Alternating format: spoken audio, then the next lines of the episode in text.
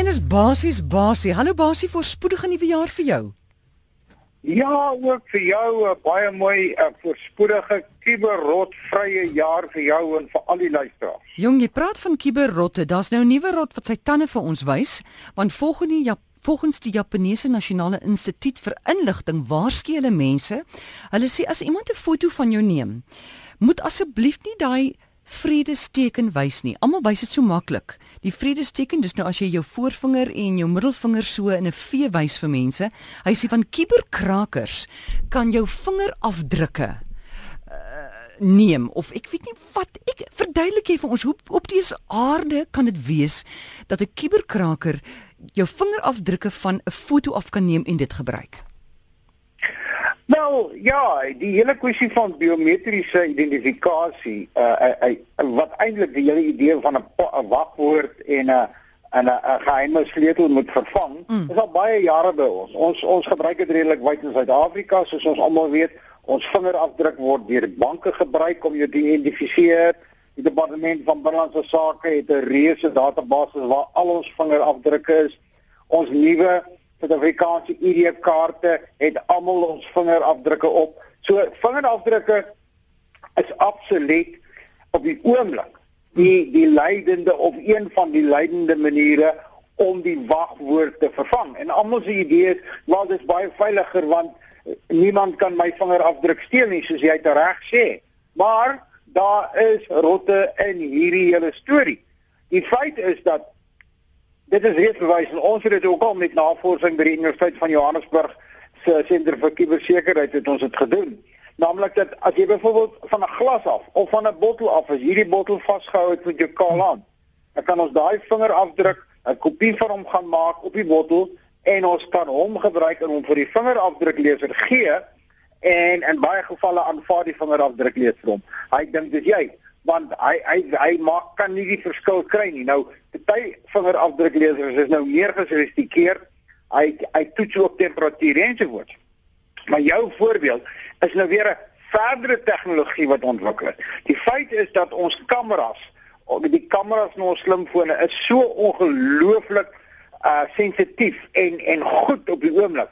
Uh en die en die kapasiteit is so ongelooflik goed dat hierdie ding is nou 'n volgende risiko wat begin ontstaan. As jy jou handpalm byvoorbeeld wys op 'n foto mm. of dan nou die vredesteken of jou duim of wat ook al of jy steek jou duim in die lug omdat jy matriek geslaag het en iemand neem 'n foto dan kan daai foto so goed geneem word met 'n goeie selfoon self dat presies van die foto af maak ek 'n kopie maak 'n foto daarvan druk die foto uit, maak van die foto 'n templaatjie, sit die template op die vingerafdrukleser en daar's jy en, en ek is jy. Ja. So hierdie is die dit is deel van die hele proses waarin ek en jy versigtig moet wees en nie net glo my vingerafdruk is my vingerafdruk. Hy kan nie. Hy ja. jou hele wêreld lê vol van ons biometriese kentekens. Maar dan moet hulle my foon ook in die hande kry, né? Nee nee, hoekom?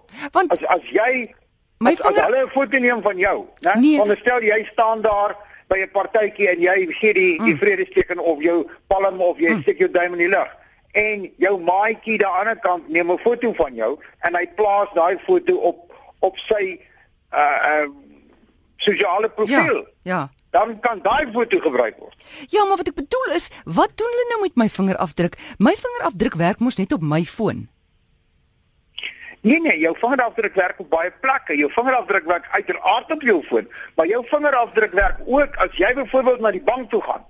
Gaan ah. kyk maar by van ons Suid-Afrikaanse banke. Ah. Hulle vra nie meer vir jou gee my jou ID-dokument nie. Hulle sê sit jou duim op hierdie lesertjie neer, dan lees hulle jou vingerafdruk Hulle kom in verbinding met die departement van binnelandse sake wat jou vingerafdruk het en hulle sê ja, okay, dis jy.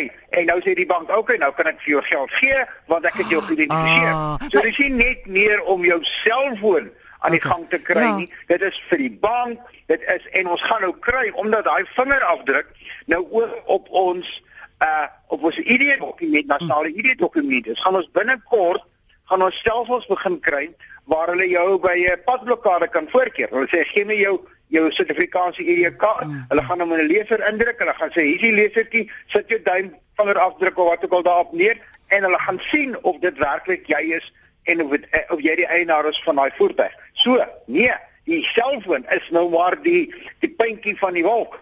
Ja, goed, ek het jou. Kom ons beweeg aan hierdie hele Trump uh, Putin Russiese kuberkraking storie.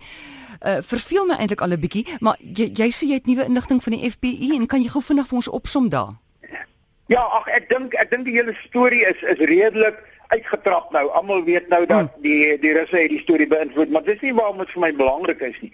Uh ons gaan nog baie van sien, maar die die hele saak wat vir my hier belangrik is, is die feit dat my en jou data of dit nou 'n e-pos is wat ek en jy stuur en of dit 'n kommentaar is en of dit 'n WhatsApp boodskap is of wat ook al kan later teen jou gebruik word. Iemand gaan daai inligting uitkrap en teen jou gebruik want dis wat met hierdie Clinton vroumens gebeur het. Hulle het inligting van haar gaan uitkrap en van die demokratiese party, hulle het e-posse gaan uitkrap en gesê, "Hoorie, Piet Piet het hier volgende van Jan gesê." En hulle het dit gelek en Jan was baie kwaad geweest daaroor. Nou kom ons vat 'n eenvoudige voorbeeld daar's 'n daar's 'n bestuursraadsverkiesing van jou skoolomgewing. En daar's twee groepe. Een een steen vir Piet en een steen vir Jan. Nou gaan Piet se mense sê, maar ons gaan nou inligting kry oor Piet. Ons gaan nie in sy huis inbreek en sy geheime inligting hmm. steel nie. Ons gaan nou kyk wat het Piet nou al alles in sy e-pos, ons kraak sy e-pos boodskappe ensovoorts en ons kry 'n slegte ding wat Piet gesê het. Uh of wat Jan gesê het en Pietse mense begin dit bekend maak. En hulle sê vir die vir die skoolmense kyk hier hierdie kandidaat wat julle wil steun kyk wat het hy op daai datum in hierdie e-pos gestuur. So hierdie dis dit is dit is wat vir my ontstellend is dat ons nou nie net meer kubermisdaad begin gebruik om gebruik om geld te steel nie. Ons begin dit nou gebruik om dinge te beïnvloed om verkiesings te beïnvloed om Uh byvoorbeeld daar's 'n geval van wat ek nou net uh, gelees het die week van 'n van die kuberkrakers wat in 'n regsfirma. So as jy iewers by 'n regsfirma werk, luister. Hulle het in daai regsfirma se data ingebreek, net eenvoudig die data gekopieer. Die firma het dit nie agtergekom nie. Die firma was besig gewees om kontrakte op te stel tussen twee of drie groot reuse maatskappye, dis nie net in Suid-Afrika nie, wat nou saamswat en die een wou die ander oorneem en so voort en so voort. En die kontrakte was in die database. Toe gaan hierdie kippies slim van hulle en hulle gaan koop aandele in hierdie drie maatskappye. En toe die toe die samesmelting nou deurgaan, maak hulle 'n reuse wins, want dit gaan die aandeleprys op. So jy weet hulle soek die data want die, die data begin baie meer waarde kry as die 100 000 rand wat hulle by my en jou kan steel. En dis wat vir my ontstel is dat hier ja. is 'n internasionale geval van 'n van die grootste land ontrent in die wêreld waar die hele proses beïnvloed is deur kuberdiefstal en misbruik van gesteelde kuberdata. En dis waarvoor ek waarsku wat ek bang is in Suid-Afrika kan gebeur. En ons is op pad. Jy weet die die Franse het klaar gesê, die Franse het 'n groot presidentsverkiesing hierdie jaar. En die Franse het gesê daai kandidaate begin bekommerd raak want wie van hulle gaan nou ook gekraak word deur mm. buitelanders en dan die ander kandidaat die inligting gelek word aan die ander kandidaat om die ouens se kans te beïnvloed. So dit is wat my plan. Ek dink ons gaan meer en meer daarvan sien en ek vrees die dag as dit in hierdie land van ons ook gaan begin gebeur. Basie, het jy vir ons 'n wenk vir die week?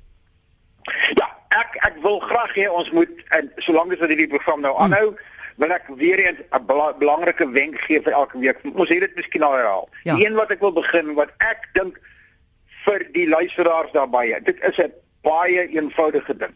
Maar sit 'n wagwoord of 'n pinnommer op jou mobiele foon.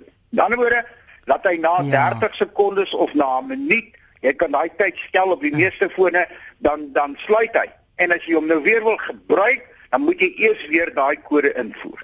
Hoekom doen jy dit?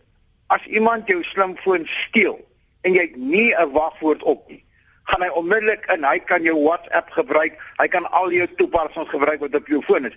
Hy steel onmiddellik jou identiteit want hy kan 'n WhatsApp boodskappe begin uitstuur op jou naam. Soos die basies, ek sê die heel basiese ding en en, en luisteraars daar binne, gaan kyk nou, het jy 'n wagwoord op jou slimfoon? Indien nie, gaan sit hom in. Dat jy weet as ek my foon laat lê of as ek hom vergeet of as ek hom verloor, dan gaan kiepie kiberkraker nie sommer net aangaan en my data alles kan oppraat en my toepassings begin gebruik om my identiteit te steel. Dis 'n wenk Ja. wat ek wil sê, heel eerste staan op my lysie. Goed, Basie, jou e-posadres, waar kan mense jou kry? rsgbasie@gmail.com Uh. en stuur asseblief kommentaar en interessante goed wat gebeur. Ek kry interessante goed van luisteraars wat ek van tyd tot tyd kan aan aandag gee. Party is nie moontlik nie, maar stuur vir my daai e-posse. Stuur dit ook vir jou amore uh, uh, Ja. dat dat die mense met jou kan kommunikeer en dat ons gaan kyk waar kom ons uit. rsgbasie@gmail.com. Basie, jy moet nou terugkom Johannesburg toe. Die mense mis jou. Jy het nou te lank is volgende vakansie. week daar. Ag, wonderlik. Goed, dankie. Lekker Baie naweek. dankie en en en ons sien mekaar weer uh, uh, alles van die beste vir almal. Selfde. Dankie. Totsiens.